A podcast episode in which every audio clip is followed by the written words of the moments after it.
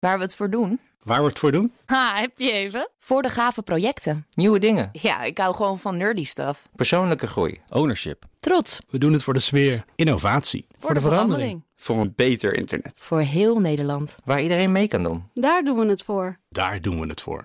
Waar doe jij het voor? Kom werken voor KPN en groei op jouw manier. Check de actuele vacatures op het gebied van data, security, development en networking op jobs.kpn.com/tech. Wetenschap vandaag. Het smelten van het ijs van Groenland. Ja, dat klinkt misschien als iets wat ver weg gebeurt.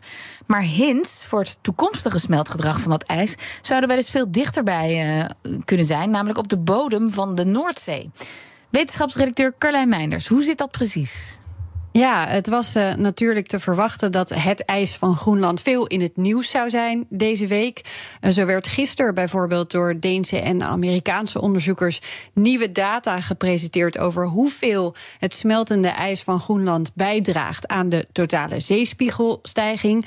Hun boodschap: die hoeveelheid hebben we jarenlang onderschat. Dat ijs daar smelt zes keer sneller dan we dachten. Jeetje. En dat moet dan natuurlijk meegenomen worden in het voorspellen van die zeespiegelstijging. En hoe komen ze dan nu aan deze nieuwe cijfers? Volgens uh, deze wetenschappers is er in eerdere onderzoeken voor, vooral naar de voorkant van de ijskap gekeken, maar niet naar het hart van de ijsplaat. Als je een paar honderd kilometer landinwaarts kijkt, is het ijsverlies uh, nog veel groter. Wat mm. uh, te zien is in data die de onderzoekers hebben gecombineerd van GPS-stations, satellieten en computermodellen. En we hoorden vorige week toch ook al iets over het smelten van een aantal iconische gletsjers.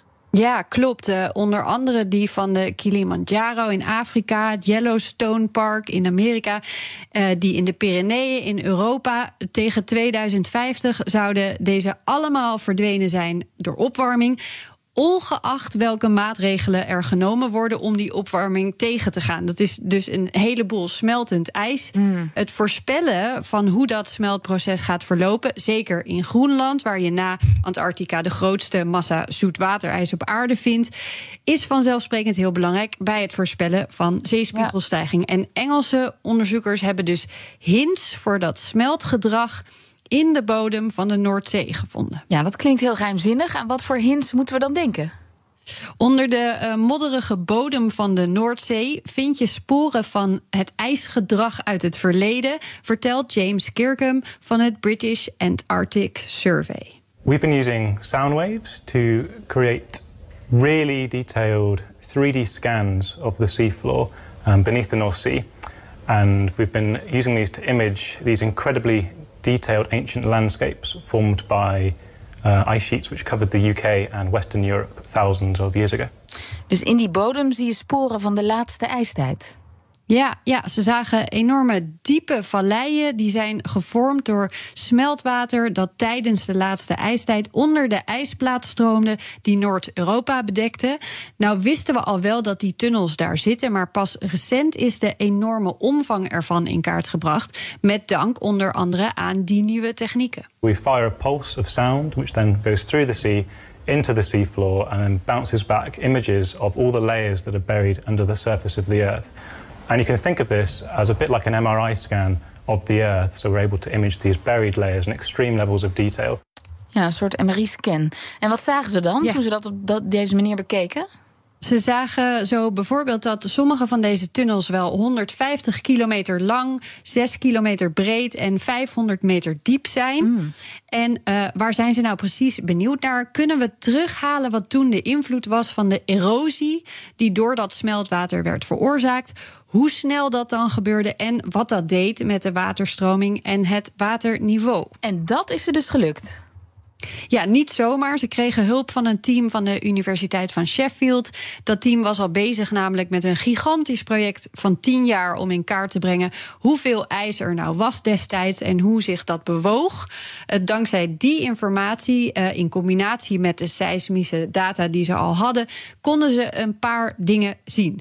Onderin die diepe valleien zitten allemaal kleinere kanaaltjes, allemaal soort zijtakjes die alle kanten op meanderen door de bodem. En En die door de tijd heen steeds zijn verplaatst. Ze ontdekten dat als er veel water door die smalle kanaaltjes stroomt, uh, dan enorm snel kan zorgen voor erosie. Die smalle kanaaltjes worden dan binnen een paar honderd jaar al diepe, veel grotere kanalen grotere kanalen waar weer veel meer hmm. water doorheen kan stromen. Ja, en wat zegt dat dan over de Groenlandse ijsplaat nu? Ja, het stroomgedrag van water onder een ijsplaat heeft weer impact op de stabiliteit van de ijsplaat. Als die stroming uitgespreid over veel plekken plaatsvindt, zoals je met zulke vertakkingen bijvoorbeeld zou krijgen, dan versmelt, versnelt dat de verplaatsing en waarschijnlijk ook de instorting van die plaat en de stijging van de zeespiegel. Aan de andere kant, als dat smeltwater snel via een paar strakke kanalen zeg maar weg kan, dan kan dat juist weer bijdragen aan de stabiliteit van de ijsplaat. En weten ze ook al hoe het zit met de vorming van die kanalen onder de ijsplaat in Groenland? Ja, het lastige daaraan is natuurlijk dat uh, dat een proces is dat nu nog bezig is. Ze hebben in uh, dit onderzoek terug in de tijd gekeken, maar hier gaat het om een ijsplaat die er nog is en die in beweging is, om temperaturen die nog aan het stijgen zijn. Dus het wordt nu belangrijk om die bodem op deze manier in de gaten te gaan houden. Mm. Dat is eigenlijk wat de onderzoekers nu zeggen. Neem dit in ieder geval mee in voorspellende klimaatmodellen. Ga hier meer onderzoek naar doen, want hier werd tot nu toe nog helemaal geen rekening mee gehouden. Het is één van de vele manieren waarop wordt geprobeerd om die modellen en de voorspellingen die daarmee mogelijk zijn, beter en preciezer te krijgen dan ze nu zijn. Helder, dankjewel, Carlijn. Wetenschap vandaag is mede mogelijk gemaakt door Brightlands. Knowledge Crossing Borders. Ook Diana Matroos vind je in de BNR-app. Ja, inderdaad. Je kunt live naar mij luisteren tijdens de Big Five. Ook handig in de BNR-app. Breaking nieuwsmeldingen, maar ook het allerlaatste zakelijke nieuws. En je vindt in de app alle BNR-podcasts, waaronder Wetenschap Vandaag. Download nu de gratis BNR-app en blijf scherp.